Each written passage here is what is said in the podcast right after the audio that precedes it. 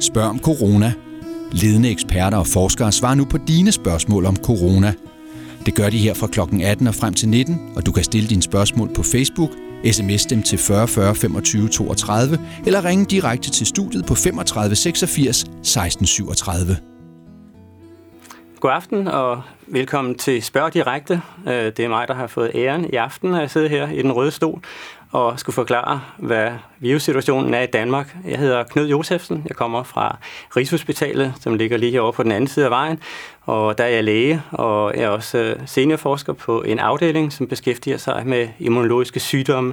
Det vil sige sygdomme, som øh, opstår, når immunsystemet øh, vender sig mod kroppens egne celler. Vi har jo normalt immunsystemet til at sikre os, at vi ikke bliver inficeret med virus og bakterier og andet øh, fra den ydre verden. Men nogle gange så går det altså faktisk den modsatte vej, og det er det, vi beskæftiger os med. Og det er selvfølgelig også det, som er en anden del af øh, historien om coronavirus. Så øh, coronavirus øh, er jo et øh, virus, som øh, pludselig er opstået fra nogle dyr, og man øh, kender jo stedet i Kina, hvor det opstod fra. Og det er faktisk en ret interessant problematik i virkeligheden, fordi øh, hvordan kan et dyr pludselig øh, give en menneske øh, en sygdom? Og det er der jo ganske mange eksempler på i virkeligheden. Men den måde, man skal opfatte det på, det er, at øh, i dyreriet er der faktisk en stor pool af forskellige sygdomme, som øh, mennesker kan få under forskellige omstændigheder. Og sådan en pool af sygdomme er i virkeligheden ikke nødvendigvis noget, som dyrene bliver sy- syge af.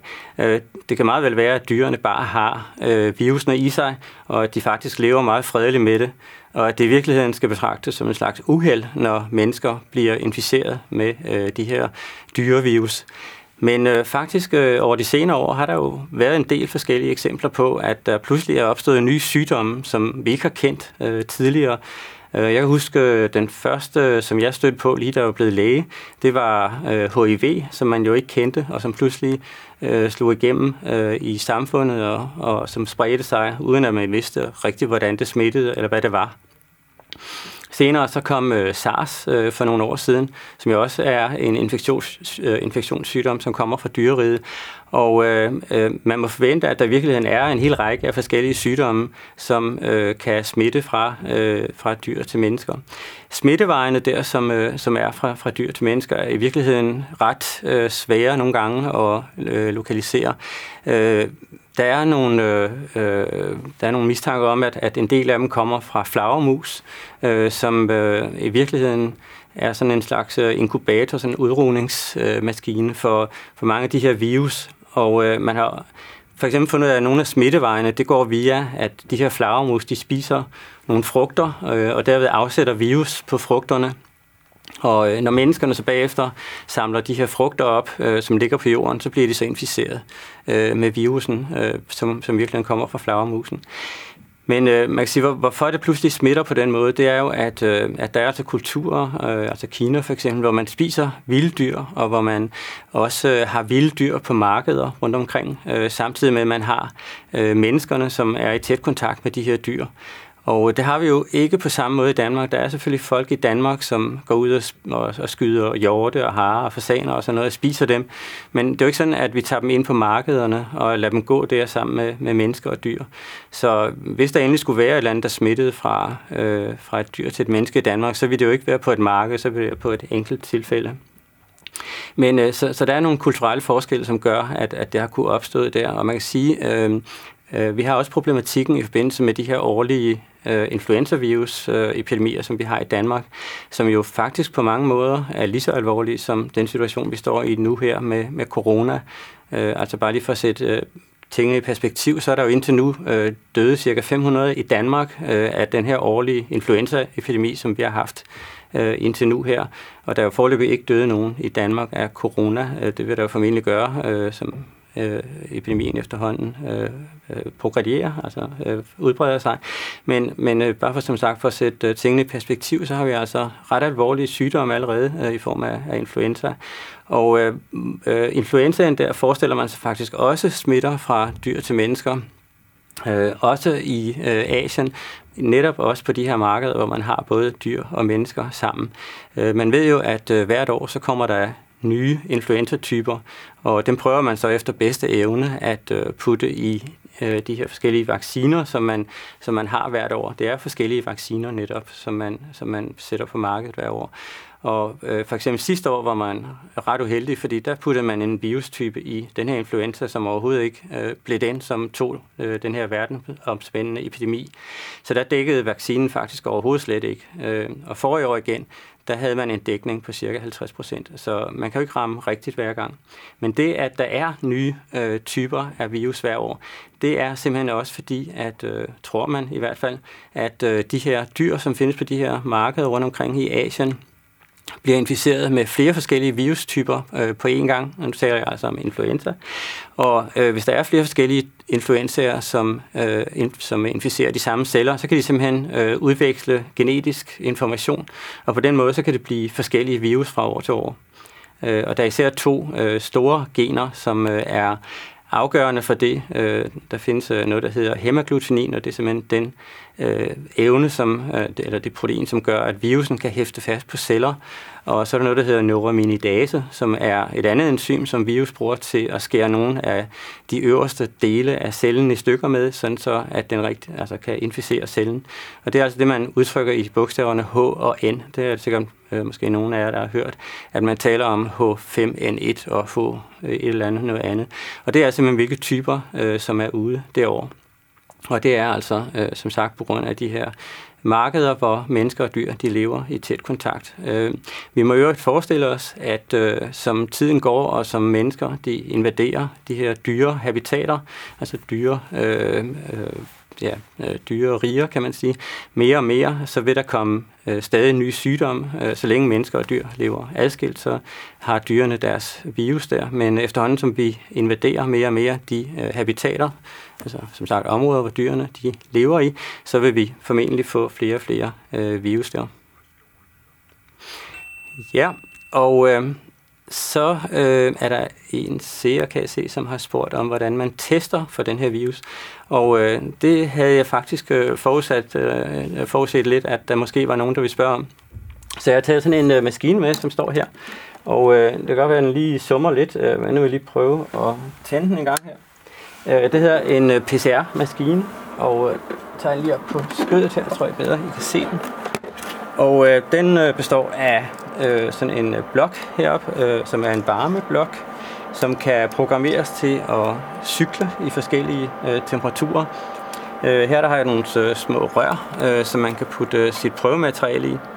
Øh, det man gør, det er, at man tager et lille skrab øh, fra en lille podning fra svælget i de personer, som man har under mistanke for at have den her sygdom.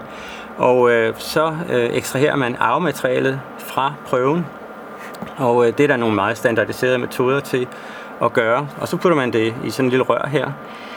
Og øh, så laver man øh, det, der hedder en PCR-reaktion. Og PCR det står for polymerase-kæde-reaktion.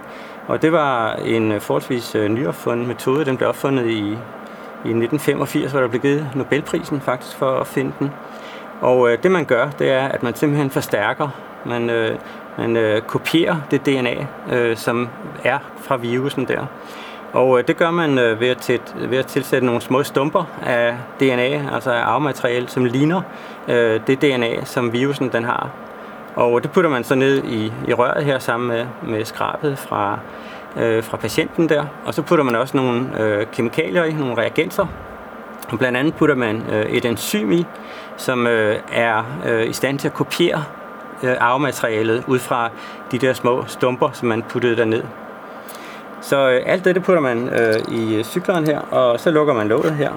Øh, og så vælger man simpelthen et øh, program øh, her på displayet, og øh, der vælger man sådan et tretrins program.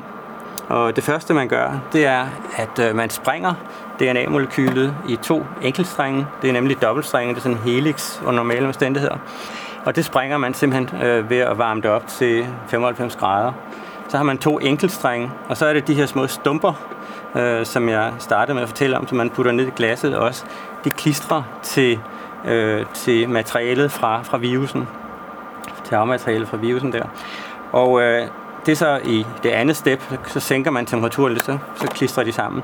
Og i tredje step, så hæver man temperaturen en lille smule igen, og så er det det her enzym, som kan kopiere strengene, at det træder i kraft.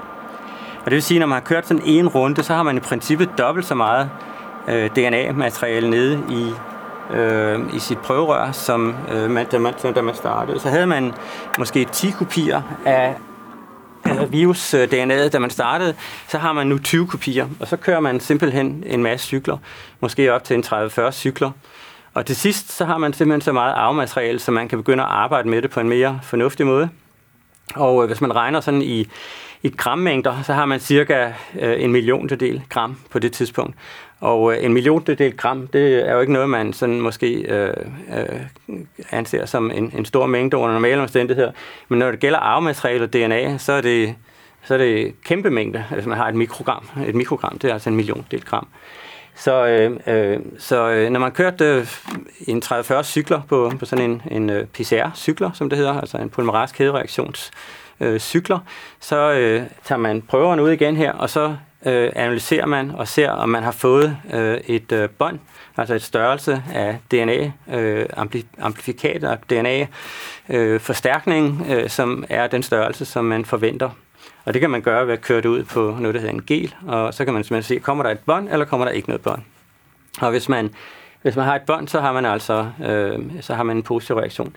Man kan sige det, at øh, der er helt afgørende for sådan noget her, øh, det er jo selvfølgelig, at man kender sekvensen, man kender bogstaverne, som sidder i DNA'et, og kan lave de her primer, så de, så de passer til. Men i princippet kan det bruges til hvad som helst, hvilken som helst sygdom, som er er begrundet i, i infektiøst materiale, eller som kan være en arvelig sygdom, kan man også bruge øh, sådan en, en PCR-cykler til. Og det kan altså gøres på, på en times tid, så når folk de skal gå flere dage og vente på, øh, på at få svar, så er det jo noget med, at prøven skal sendes med postvæsenet, og den skal aflæses, og den skal kodes ind, og den skal sendes tilbage osv. Men selve analysen tager øh, ikke mere end en time, så det er ganske, ganske hurtigt. Så kan jeg se, øh, og øh, hvis man har haft sakaridose, øh, er der en, der spørger om og bliver smittet med coronavirus. Øh, coronavirus. Kan det så få sarkoidosen til at bryde ud?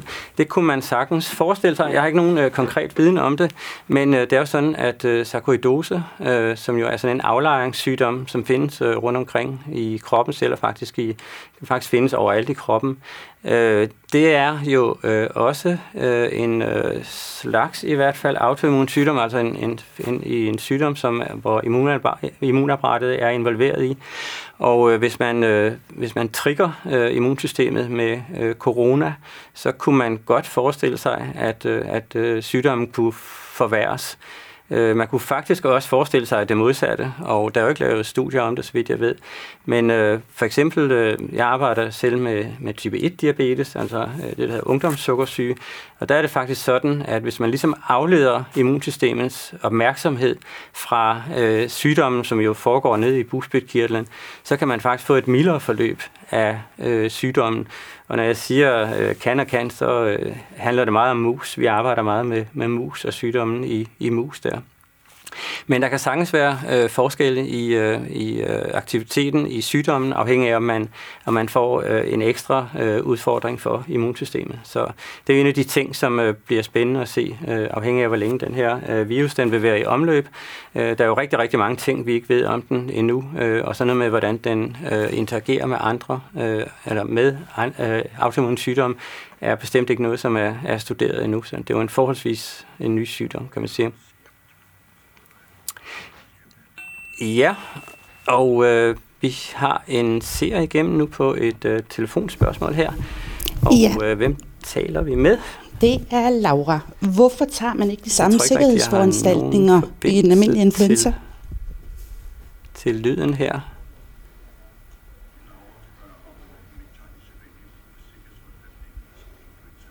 Øh, ja, og jeg forstår, at øh, det er Laura, som spørger om, hvorfor man ikke tager de almindelige sikkerhedsforanstaltninger, øh, som man gør ved influenza. Øh, der kan man sige, at øh, øh, nogle af de sikkerhedsforanstaltninger, man kan tage ved influenza, det er jo at lave øh, og, og, og blive vaccineret simpelthen. Øh, tage øh, den her vaccine, som kommer hver år der har man jo det problem med corona, at øh, der faktisk ikke er en vaccine øh, på markedet i hvert fald endnu. Øh, der er jo forskergrupper, som har øh, allerede har sagt, at de har lavet en vaccine, men øh, derfra så til at vaccinere med den, øh, der øh, er jo et stykke vej. Den skal jo afprøves og, og testes på forskellige måder først. Øh, der er jo nogle omstændigheder, hvor man siger, okay, vi har en vaccine, vi har ikke prøvet den, og nu øh, går vi bare ud i befolkningen og tester den. Det gjorde man for eksempel øh, i øh, forbindelse med det sidste tilfælde af Ebola i Afrika, fordi Ebola er en forfærdelig sygdom, som de fleste de dør af. Så der, der siger man, der er omkostningerne simpelthen så store øh, menneskeligt, så der vil vi risikere at gå ud med en uafprøvet vaccine. Men man kan sige med corona, som jo øh, er marginalt værre end influenza, der vil man have en større sikkerhed. Så der vil man simpelthen vente til, at man øh, at man har øh, sikkerhed for, at, at der ikke er, er skrækkelige bivirkninger ved, ved den her vaccine. Nej. Ja, og øh, så har vi et sms-spørgsmål øh, her. Hvis man har astma, øh, og hvis man er over 50 år, skal man så tage nogle ekstra hensyn? Skal man blive hjemme fra arbejde?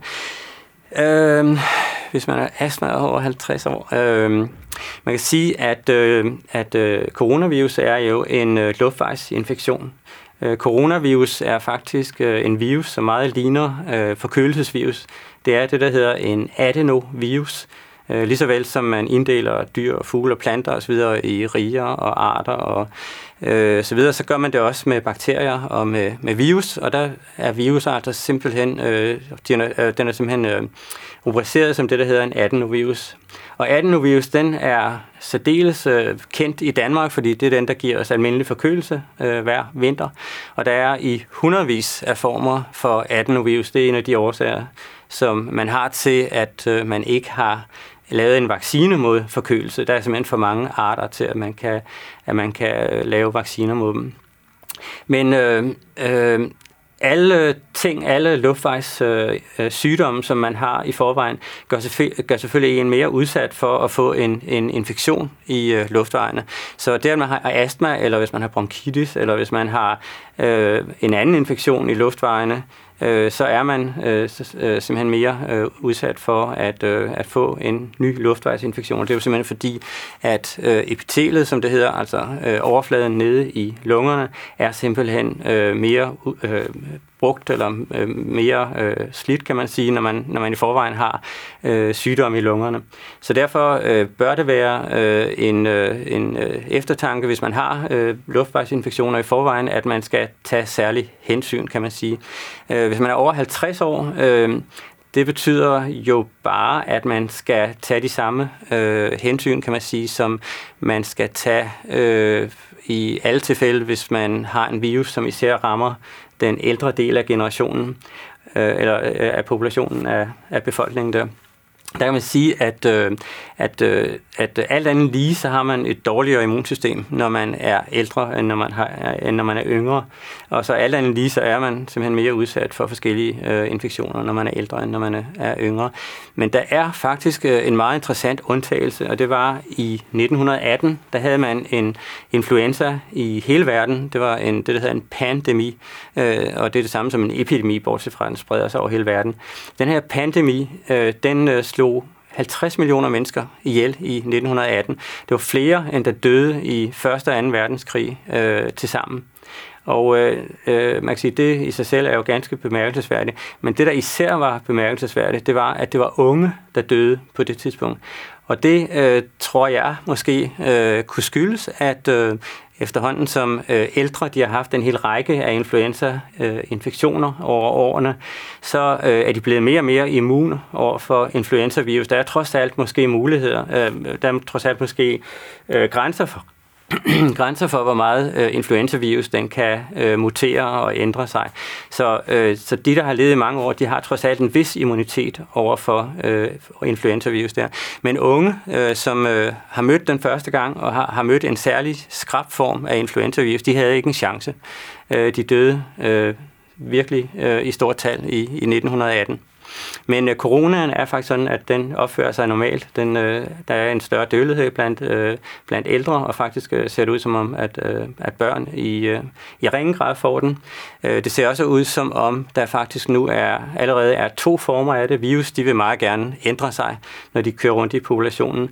Der er faktisk øh, to former af den nu. Der er en, der er, er ret øh, hård, og så er der en, der er øh, mildere.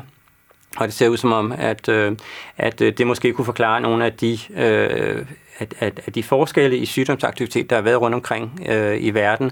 Øh, den første læge, som beskrev coronavirus, øh, var jo ikke særlig gammel. Han, han var i 30'erne eller sådan noget i Kina, og han døde faktisk af øh, coronavirus. Øh, hvorimod øh, i, øh, i Danmark har der jo ikke været noget særligt øh, strengt forløb for af, af coronavirus indtil nu. Så, øh, så der er sikkert nogen, der sidder og analyserer, hvad det er for, for undertyper, vi har i Danmark i øjeblikket. Så. Og øh, skal jeg være bange for at bestille åbne pakker fra Kina? Øh, det er, skal man ikke være bange for. Øh, og meget er der, er der ikke at sige om, om, det, svar, om det spørgsmål faktisk, fordi øh, øh, virus kan simpelthen ikke overleve i, øh, i så lang tid, øh, som det tager fra en pakke at komme fra, fra Kina til, til Danmark. Øh, og øh, øh, øh man regner med, at, at virusen overlever øh, ja, måske øh, øh, altså timer til højeste dage i hvert fald i, øh, i omgivelserne. Så de kan, de kan jo muligt øh, overleve fra Kina, det er simpelthen helt udelukket. Øh, faktisk kan man også sige, at, øh, øh, at øh, med hensyn til sådan en overlevelse af, af virus generelt, øh, hvorfor er det sådan, at, at virus altid, øh, altså hvorfor, hvorfor har vi influenzaepidemi der i, i januar, februar og marts øh, hver år? Hvorfor, hvorfor har man ikke virusepidemi der om sommeren? Og øh, en af forklaringerne kunne måske være, at øh, sådan noget biologisk materiale, øh, som, som virus og bakterier osv., det holder sig jo en gang bedst i køleskabet. Altså, det ved vi jo for eksempel, når vi arbejder med det i laboratoriet. Man kan jo ikke stille det på bordet, og så forvente, at næste dag, så kan man bare arbejde videre med det. At vi, vi bevarer det jo på forskellige måder i køleskaber, fryser og så videre, når vi, når vi bruger det senere.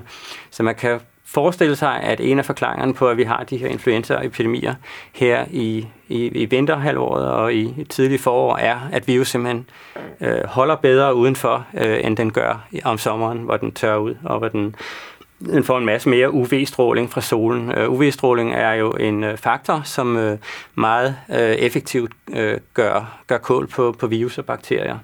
Øh, det er også derfor, i i 30'erne og i 40'erne i Danmark, der havde man sådan et øh, lys luft og, øh, jeg kan ikke huske, hvad det sidste var, princip, men altså, hvor man, hvor man prøvede at få så meget lys og luft og, og, og videre ind i hjemmet der. Og det gav faktisk god mening. Øh, udtørring og sollys og UV og sådan noget er, er ting, som, som gør, gør livet surt for de her bakterier og, og virus der. Så øh, det er derfor, man hænger sin karklud op. Det er derfor, man øh, tørrer sit spækbræt. Det er simpelthen for at udtørre det.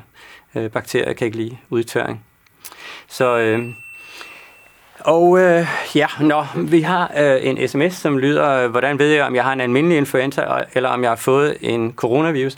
Det ved man faktisk ikke med sikkerhed, øh, før man har været igennem øh, sådan et øh, apparat, som, som jeg lige har vist lidt tidligere her i programmet. Øh, vi, øh, influenza og øh, corona her kan, kan have samme symptomer. Øh, de kan også have forskellige symptomer. Øh, alt er sådan set muligt øh, i medicinen der, øh, men øh, klinisk tror jeg, det er svært at, at skælne. I begge sygdomme kan man få feber, og man kan få øh, dårlige almenfølelser, altså føle, at man har været i en eller anden slåskamp, man har bare øh, ondt over det hele, og man, man har det bare jævnt dårligt, øh, og det kan man få med, med, med begge sygdomme. Øh, man kan også få øh, ondt i halsen, og det kan man, øh, se, det kan man også øh, se både i almindelig influenza og med, med coronavirusen her. Øh, og øh, det med kort sagt, man, man kan altså ikke øh, skælne det på, på klinikken. Men øh, der er jo mange andre måder, som, øh, som vi stiller diagnoser på øh, som læger. Og, øh, og de rigtig drevne øh, af lægerne, øh, de har jo sådan en sjette sans. De ved bare, at øh, de har sådan en eller anden fornemmelse for, at det er nok øh, en eller anden sygdom. Det viser sig så, at, at det er fuldstændig rigtigt. Ikke? Øh, så, så det der kliniske blik, øh, som, øh, som nogle folk, de, nogle læger, de har, øh, det er faktisk øh, rigtig, rigtig vigtigt. Øh, Øh, nu om dagen, der, der har man sådan nogle øh, sædler, som man krydser af, og så tager man en hel masse spørgsmål, og så, så ser man, hvad der kommer tilbage øh, øh, forkert og rigtigt osv. I, i, i laboratorieværdier. Men man kan komme rigtig, rigtig, rigtig langt øh, ved at tænke sig om, og ved at stille de rigtige spørgsmål, og ved at, i det her tilfælde for eksempel, at, øh, at, at få en, en præcis øh, udredning af, hvad den patient har lavet, før øh, den her sygdom kom. Har patienten været ude at rejse, eller har patienten været sammen med nogen, der har været ude at rejse, eller, øh, Øh, eller er, der, er der andre ting, der kunne gøre, at, øh, at man kunne få mistanke om, at, at øh, det var det ene eller det andet. Øh, har patienten lige besøgt øh, en, der havde influenza, jamen så er det nok influenza, han har fået, ikke? og passer det med, med det, der hedder inkubationstiden, altså hvor lang tid der normalt går, øh, fra man bliver smittet til, at man får sygdommen. Så øh, det korte svar er, at, øh, at man kan ikke skælne det øh, umiddelbart, men øh, man kan selvfølgelig øh, diagnostisere sig ud af det ved, ved PCR-reaktionen, som, som vi viste her. Øhm, og øh, så, der, så kan vi få en sms her, hvor der står, at øh, hvis det ikke trives øh, virus her så godt i det kolde vejr, hvordan, hvorfor trives det så til synlande for eksempel i Norditalien og Iran, hvor det jo ikke er så koldt, øh, og øh, hvor, øh, hvor der jo er øh, store problemer i øjeblikket. Og øh, man kan sige, at svaret er, at øh, der er jo selvfølgelig andre ting også, som øh, gør, at, øh, at virus overlever eller udbreder sig i befolkningen, eller ikke gør. Øh, for eksempel øh, kan man sige, at, øh, at øh, det er jo ikke sikkert, at øh, beredskabet har været så godt i, øh, i Italien eller i Iran. Øh, vi kan jo sagtens sidde heroppe øh, i Danmark og sige, at der kan vi bare se, hvor galt det kan gå. Øh, I bare kigge på Iran og, og Italien. Men øh, øh, vi er jo øh, faktisk øh, lidt på den grønne gren, fordi vi har kunnet sidde et stykke tid og studere, øh, hvordan virusen har udbredt sig i øh, Kina og i andre lande. Og øh, måske har de været taget lidt øh, med bukserne nede der i, øh, i Norditalien og Iran. Måske har de ikke øh, haft helt det beredskab, som, øh, som har været nødvendigt. Og måske har, har man ikke været opmærksom på at isolere de første tilfælde, det der hedder patient 0, øh, som er den patient, som øh, kommer øh, fra et eller andet øh, infektiøst øh, sted, altså hvor, hvor sygdommen har været etableret, og så og flytter et andet sted hen. Øh, hvis ikke man har gjort det, og øh, hvis... Øh, øh, hvis man har overset et stykke tid, at, at der var et problem der, så kan øh, virusen pludselig have fået et stort udbredelse, uden at man har gjort noget, og uden at man har været opmærksom på det. Øh, og dermed så, så kan man altså øh, være, være kommet lidt bagud i, i bekæmpelsen der. Så, så det kunne måske være en forklaring. Jeg ved ikke, om der er nogen, der har den præcise forklaring, men... Øh, men det kunne i hvert fald være sådan nogle ting, der gjorde det. Der kunne også, øh, når man taler om sygdomme, så taler man jo også altid om, øh, at øh, der er altid en miljøfaktor, og der er altid en arvelig faktor. Og øh, det kan også være for eksempel, at øh, den population, altså den befolkning, som bor i syd, i øh, Norditalien eller Iran måske har nogle særlige øh, tilbøjeligheder for at få øh, den slags infektioner. Altså det kan være, at der er nogle af deres gener, som på en eller anden måde er anderledes end vores, sådan så at de, at de lettere får øh, de her slags infektioner. Det ved vi faktisk heller ikke, men det er også nok noget, øh, som man vil gå ind og kigge nærmere på, hvis øh, coronavirus det viser sig at blive et problem på længere sigt. Hej, Jeg hedder Birgitte. Øh, jeg vil spørge dig, om man øh, kan være rask smittebærer Ja, hej Birgitte. Tak for dit øh, spørgsmål. Det kan man faktisk sagtens være, øh, når det er corona, øh, og man kan også øh, være det med, med andre sygdomme. Og øh, det er jo faktisk rigtig, rigtig lusket, fordi øh, på den måde, så kan man gå rundt øh, og have det fuldstændig godt og smitte en masse andre mennesker. Øh, I virkeligheden set fra virusens synspunkt, så er det en ret snedig øh, måde at gøre det på. Øh, man skulle altid tro, at øh, jo kraftigere en virus er, øh, jo bedre er den i stand til at, at udbrede sig i befolkningen og, og øh, trives osv. Men, men det er faktisk ikke tilfældet. Man, øh, nogle af de allersværeste infektioner at bekæmpe, det er faktisk dem, som øh, manifesterer sig langsomt og som måske smitter, uden at man i virkeligheden øh, ved, at man har det. Øh, en anden, et andet eksempel, man kunne nævne, det er for eksempel tuberkulose, som øh, man har i rigtig, rigtig lang tid, øh, og som, som har et rigtig, rigtig langt forløb, altså langt og, og mildt forløb, kan man sige. Og den kan være rigtig langt hen i forløbet, før man faktisk opdager, hvad det er, der er galt. Og så kan den være rigtig svær at behandle, fordi den gror langsomt. Så i virkeligheden er, er de infektioner, som er værst, det er måske i virkeligheden dem, som, som ikke er så, øh, så aggressive i første omgang.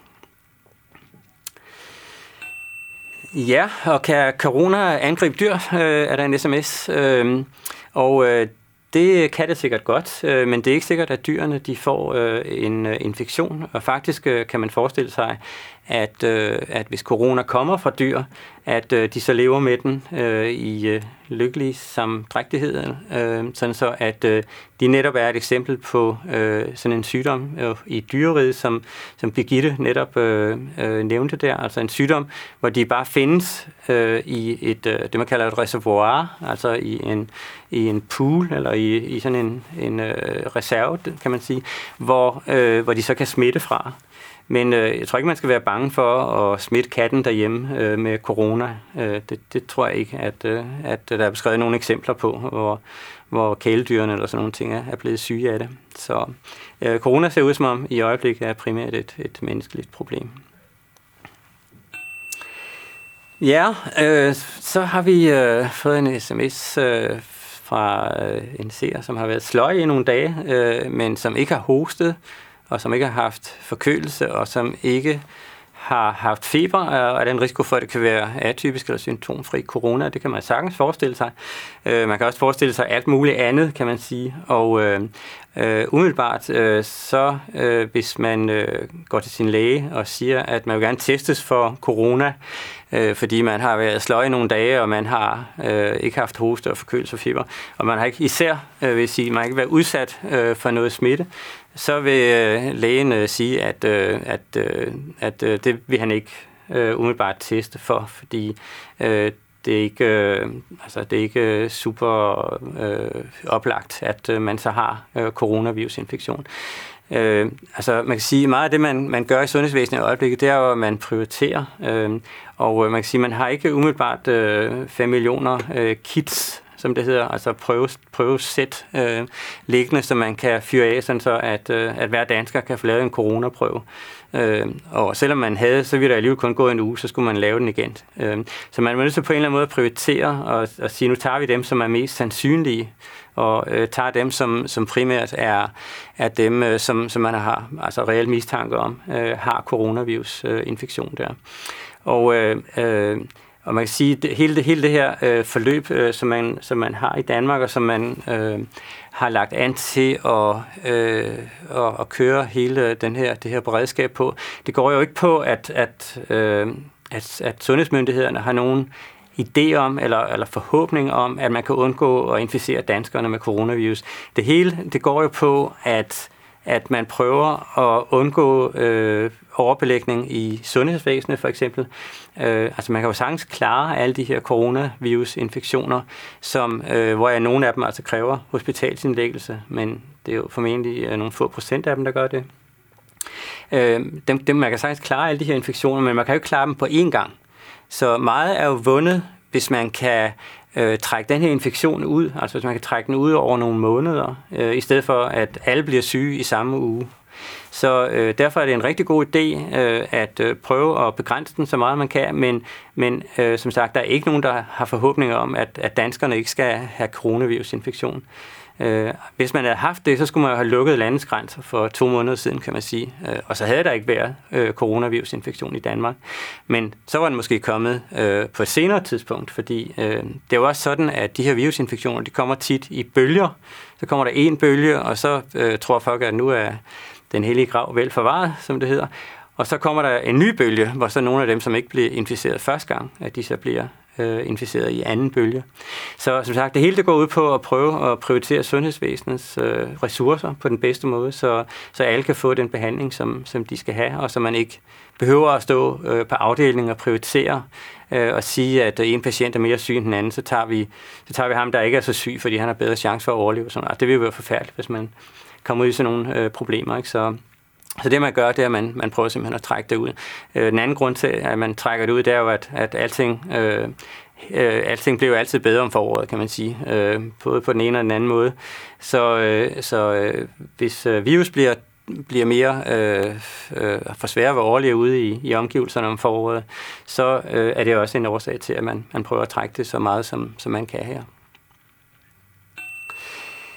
Hvor langt er man med en vaccine? Øh, har vi en sms? Øh, men der, nu, øh, vi arbejder ikke med, med vacciner i mit laboratorium, men Øh, hvad man sådan hører, øh, er jo, at øh, der er folk, der øh, mener, at de faktisk allerede har øh, lavet en vaccine. Og øh, øh man kan sige, generelt så øh, laver man jo vacciner ved at kunne dyrke øh, de her virus. De dyrker man dem på hønseæg faktisk. Og øh, hvis, man, øh, hvis man har metoder øh, til at, at dyrke de her virus øh, på, på passende medier, altså for eksempel de her æg eller celler, eller sådan, så kan man jo så isolere store mængder af, af virusene, og så kan man inaktivere dem, som det kalder man, altså man kan slå dem ihjel, og så kan man putte dem i vacciner, og vacciner virker jo simpelthen ved, at øh, når, man, når man giver sådan en vaccine til en patient, så vil patientens immunsystem reagere som om, at man havde haft infektionen selv. Øh, og så, hvis man så skulle få den rigtige infektion bagefter, så er øh, immunsystemet allerede forberedt på, at, øh, at øh, sådan en infektion kommer, og så får man et meget mildere forløb, eller man får, øh, man får måske slet ikke noget forløb i virkeligheden. Så øh, der er folk, der, der hævder rundt omkring, at de har den her øh, vaccine, men øh, øh, derfra og så til at begynde at vaccinere, øh, der er øh, et stykke vej, netop fordi, at man ikke anser corona øh, som en Øh, så alvorlig sygdom, som man vil give øh, en uprøvet vaccine til en stor befolkning. Øh, tit øh, så kan man jo faktisk opleve, at kuren er værre end sygdommen, og øh, hvis man for eksempel gik ud og fik lavet nogle frygtelige bivirkninger på en stor gruppe mennesker ved at give en øh, virusvaccine, som ikke var afprøvet, så vil man jo bagefter bide sig selv i læben og sagt, øh, sige, at, at man måske også skulle have ventet lidt med at give den her vaccine. Men øh, nu kan vi jo se, om det overhovedet bliver nødvendigt at udvikle en vaccine, og om den overhovedet nogensinde kommer i brug, fordi øh, da man havde øh, en af de her øh, infektioner sidst, øh, SARS, der lavede man også en vaccine, og siden har man så faktisk ikke haft øh, SARS i, i øh, mennesker. Så øh, forløbet så ligger den vaccine bare og, og samler støv, kan man sige. Øh, man har ikke haft brug for den siden, og måske får man aldrig brug for den. Øh, man skal jo have sygdommen, før man begynder at vaccinere mod den. Øh, det er jo ikke sådan en tilbagevendende sygdom, så hvor, hvor man giver en, øh, en øh, profylaktisk vaccine, altså en vaccine, som er forebyggende. Man vil jo selvfølgelig reservere den til sygdomme, hvor, som har en vis alvorlighed. Så øh, vi må se, hvordan sygdommen udvikler sig, og om, øh, om der bliver brug for en vaccine. Øh, så har vi en sms, hvor der står, at øh, vi har, nej, hvad står der, hvis vi ingen symptomer har, men var på skiferie i Norditalien i u- i uge 7, skal vi så gøre noget. Og øh, det øh, skal man øh, nok øh, gøre. Nu, nu, nu ved jeg ikke lige, øh, hvornår øh, man er kommet hjem øh, der. Øh, og især så har jeg ingen idé om, hvornår uge 7, 7 var, men det må have været i slutningen af februar eller sådan noget. Ikke så god til det der med ugenumre. Øh, og så siden øh, hvis man siger, slutningen af februar, og nu er vi et godt stykke hen i marts, det vil sige, så er det jo faktisk øh, 14 dage siden, at, øh, at øh, de er at de er kommet hjem. Og det er jo den tid, hvor man anbefaler, at man går i karantæne, hvis man har været i en højrisikozone. Og øh, hvis ikke man er blevet syg i løbet af de der 14 dage, øh, så skal man jo ikke gøre mere, øh, fordi så har man simpelthen ikke haft sygdommen med hjem, øh, eller også så har man noget at smitte alle dem, som var i, en, i ens øh, omgangskreds. Øh, men øh, mest sandsynligt har man jo så ikke haft øh, sygdommen, og efter 14 dage, så, så, øh, så skal man ikke gøre mere. Så. Ja, øh, kan corona smitte igennem svømmehallens vand? Øh, det vil jeg umiddelbart øh, tro, øh, at den ikke kunne. Øh, I svømmehaller har man jo meget fokus øh, på infektioner, øh, og man har især øh, meget fokus på, øh, på bakterieinfektioner. Og øh, et øh, meget stort del af det at øh, drive en svømmehal, det er at dosere øh, klorid, øh, øh klorindholdet, altså kloreringen af, af, af vandet i bassinet øh, korrekt. Og øh, det er, er noget, der øh, er en større videnskab at gøre det, øh, og noget selvfølgelig, som skal være 100% i orden. Øh, men øh, øh, men øh, øh, jeg tror, at det vil være rimelig usandsynligt, at, øh, at corona kunne smitte igennem øh, svømmevand der. Øh, dels fordi, som sagt, at der er klor øh, i vandet der, og øh, det vil formentlig tage livet af øh, de her coronavirus. En anden ting, øh, som man øh, kunne øh, forestille sig, det er, at der er en kæmpe fortynding øh, i sådan et øh, vand. Hvis der er en, der nyser nede i sådan, et, øh, i sådan en olympisk øh, svømmepool der, øh, så bliver øh, tingene jo fortyndet ganske betragteligt, kan man sige. Og infektioner er tit et øh, spørgsmål om øh, infektionsdosis. Øh, altså, hvis man får én virus, så bliver man formentlig ikke inficeret. Hvis man får 10, så bliver man formentlig heller ikke inficeret. Men hvis man får øh, måske en million i sådan et nys eller sådan noget, så hjælper det straks meget bedre. Så, øh, så, så har man en mulighed for, at nogle af de her virus, de, smitter, de øh, smutter igennem kroppens øh, forsvar. Øh, vi har jo, vi har jo simpelthen øh, immunforsvar alle måder, på alle måder øh, rundt omkring i vores krop. Når vi indånder øh, luft for eksempel, så har vi jo øh, sådan, vi har noget, der hedder en svælring, øh, hvor der sidder sådan noget øh, immunsystem rundt øh, i, i svælget. Øh, folk, der har haft øh, polyper, de ved for eksempel, at det kan gro øh, helt øh, ude af kontrol op i, i svælget. Der. Det, det, man tager ud, når man har polyper, det er faktisk øh, immunologisk væv. Altså, det er faktisk øh, immunsystem, kan man sige, som så bare stopper næsen til, så man ikke rigtig kan, øh, som ikke rigtig kan trække vejret, så det, det dur ligesom ikke. Så har man mandlerne, eller tonsillerne, som, man også, øh, som altså sidder nede i halsen, som også er centre for immunsystemet. Så vi har altså alene, for eksempel når vi indånder og spiser, så har vi øh, mekanismer der, Øh, så, øh, så vi har mange mekanismer, som kan, øh, som kan beskytte os mod de her, mod de her ting der. Ja, øh, har en ryger større risiko for at blive smittet? Ja, det har øh, ryger formentlig. Øh, det er ikke noget, jeg ved. Jeg har ikke set et studie på det, men alt andet lige øh, vil jeg tro, det har. Øh, rygning, det ødelægger jo lungernes epitel, altså øh, den her øh, øh, den her fine, øh, det, her, det her fine lag af celler, som ligger i overkanten, eller som altså ligger i, i yderkanten af lungerne ind mod, mod luftrøret. Og, øh, og øh, øh når, øh, når man har sådan en kemisk påvirkning af, af luftvejene der, så øh, vil øh, øh, så, vil, øh, så vil man have større chance for at, at, øh, at blive smittet der. Øh, der er faktisk meget øh, jeg ved ikke, om man skal kalde en skæg ting, men der er faktisk øh, der er mange, der gerne vil holde op med at ryge, og det er faktisk super, super, super vigtigt. Øh, hvis man overhovedet vil gøre noget som helst for sit helbred i det her liv, så skal man holde op med at ryge. Det gør, at man har lyst til at løbe og spise sundt og øh, spise øh, alle mulige andre ting og gøre osv. osv. Men hvis man gør én ting, øh, som virkelig, virkelig, virkelig batter, og man ryger, så er det det, man skal gøre. Øh, ryger har jo øh, noget, der ligner en 10-14 år mindre øh, at leve i, end øh, ikke-ryger har. Og der er rigtig, rigtig, rigtig gode øh, muligheder for øh, at komme tilbage til et sundt liv, øh, så snart man holder op med at ryge. Øh, lungerne har åbenbart en virkelig, virkelig god evne til at regenerere øh, sit øh, epitel, altså det her, den her luftvejs øh, øh, slimhinde der.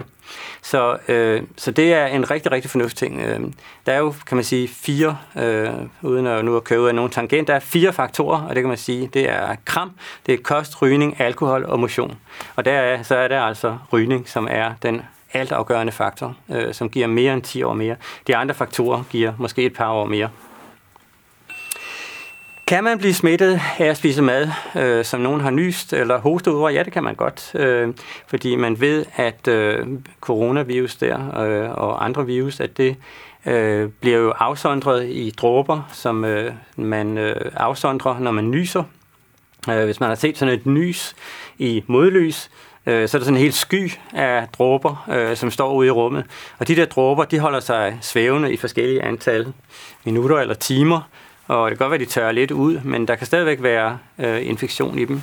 Så når andre personer så indånder de her øh, dråber igen, øh, så kan de øh, blive øh, inficeret selvfølgelig. Og øh, hvis de her dråber falder på øh, noget som øh, noget mad for eksempel, så er det endnu bedre, fordi så kan de måske undgå at tørre ud. Øh, og når man så får dem ind, så kan man øh, bestemt, så er det bestemt mulighed, at man kan blive inficeret. Er nyfødte særligt udsatte for at få coronavirusen? Øh, det ved jeg faktisk ikke øh, noget om. De er, der har ikke været beskrevet tilfælde, øh, og i det hele taget så har der ikke været øh, særlig fokus øh, på børn. Øh, jeg tror simpelthen ikke, at øh, det har været studeret, og jeg tror ikke, at øh, sundhedsmyndighederne, så vidt jeg ved, har øh, nogle særlige øh, særlige øh, rekommendationer, altså anbefalinger omkring øh, nyfødte. Øh, generelt kan man sige, at nyfødte faktisk øh, klarer sig rigtig, rigtig godt, øh, når det gælder infektioner. Og det skyldes, at øh, øh det skyldes simpelthen, at de har en vigtig arv med fra mor, øh, når de ligger inde i mors mave, fordi øh, de arver en del af hendes antistoffer. Antistoffer, det er jo øh, nogle proteiner, som cirkulerer rundt i morens blod, og øh, for ikke det skal være løgn, så er der simpelthen en mekanisme, som transporterer de her antistoffer fra morens blod over til øh, barnets blod. Så når nyfødte de øh, kommer til verden, så har de et rigtig godt beredskab med i form af øh, antistoffer, og øh, det giver sig udtryk i, at det første halvår har øh, nyfødte stort set ikke, ikke nogen infektioner. Men øh, så på, efter et halvt års tid, så begynder effekten at aftage af de her antistoffer, de går simpelthen til grunde, og øh, så øh, begynder det at, at blive øh, lidt mere besværligt at være forældre der, så får børnene øh, og forældrene i øvrigt også øh, tit en masse infektioner. Og øh, der skal de simpelthen lære på det tidspunkt at opbygge deres eget immunforsvar. Og øh, det er øh, learning by doing, kan man sige. Øh, de går måske i vuggehave, hvad hedder det, vuggestue og børnehave, og, og senere i skolen der, og får alle mulige infektioner, og dem øh, skal de så øh, bekæmpe, og de skal lave deres øh, immunforsvar og deres øh, antistoffer. Og i øvrigt også noget, der hedder øh, memory T-cells, som er øh, nogle, øh, nogle øh, hukommelsesceller, som ligger i immunsystemet. Og der må forældrene altså nogle gange være med i, i det spil der. Øh, når en vaccine er klar, skal hele Danmark så vaccineres, så skal alle på jorden. Øh, og der kan man sige, at øh, måske øh, dør coronavirusen ud af sig selv. Måske øh, ser vi den aldrig igen efter øh, juni måned, eller hvornår det nu aftager her. Og i så fald, så vil man selvfølgelig ikke gøre det. Øh, hvis man tænker sig, at øh, det er sådan en, vaks- øh, det er sådan en øh, sygdom, som kommer hvert år, ligesom influenza, øh, så vil man formentlig begynde at overveje, om man skulle øh, lave en, øh, en vaccinationsrunde i befolkningen. Man kan sige, at sådan umiddelbart de tørre tal omkring øh, influenza og coronavirus, det er jo, at øh, coronavirusen den øh, er lidt mere smitsom, end, vi, end øh, influenzavirusen er.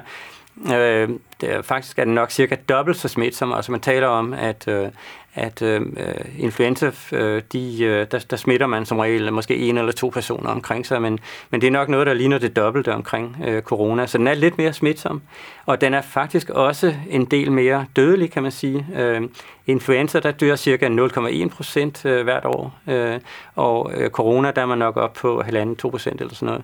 Så, så man kan sige, umiddelbart er den lidt, lidt mere alvorlig, men det, det, det virkelig afhænger af, kan man sige, det er jo, øh, hvor udbredt er den. Og, øh, og der, der synes jeg, det er rigtig sundt at lige øh, at tænke tilbage, at allerede i år er der faktisk døde noget, der ligner 500 af influenza i Danmark. Og det er faktisk et mildt øh, influenzaår, vi har i Danmark øh, i år. Øh, sidste år var der dobbelt så mange, øh, der var inficeret. Og øh, som øh, tommefingerregel, så kan man regne med, at der er noget, der ligner en 3-4.000, øh, som dør af influenza i Danmark hver år. Og øh, det er jo ganske store tal, øh, og det skal man forholde sig til i forhold til øh, corona her, hvor der altså stadigvæk er heldigvis, kan man sige, nul døde i Danmark. Så det kommer fuldstændig til at afhænge af udbredelsen af den her virus, hvor hårdt man vil, vil gå til den med, med vacciner og med, med andre tiltag, kan man sige. Og øh, så er der fire gutter, der skal til Hamburg i weekenden, og skal vi tage afsted, eller skal vi blive hjemme. Der kan man sige, at øh, umiddelbart er der jo ikke øh, nogen, øh, så vidt jeg ved i hvert fald, øh, rekommendationer fra sundhedsmyndighederne, øh, som, øh, som gør, at øh, man øh, har særlig fokus på, på Hamburg.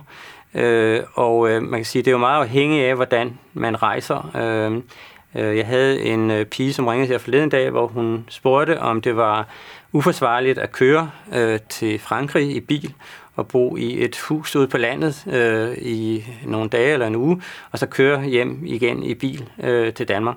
Og der må jeg sige, øh, det er jo absolut fuldt forsvarligt. Altså, det man kan gøre, og, og hvad enten man er i Danmark eller man er i udlandet, det er jo, at man kan prøve at undgå øh, mange mennesker og prøve at undgå steder, hvor der er øh, mulighed for at blive smittet. Så det man jo ikke skal gøre i hvert fald, hvis man skal til Hamburg, det er, at man skal jo nok ikke gå ind og se en eller anden fodboldkamp, og hvilket man i øvrigt nok heller ikke kan komme til, for den er nok aflyst. Men i hele taget øh, tænk sig om, øh, når, man, øh, når man rejser, og når man er sammen med, med andre mennesker, også her i Danmark, Øh, man kan jo overveje, øh, skal man absolut tage på det dørhåndtag, som alle andre på afdelingen har taget på øh, hele dagen, eller skal man lige sætte sin øh, albu på i stedet for, når man lukker op?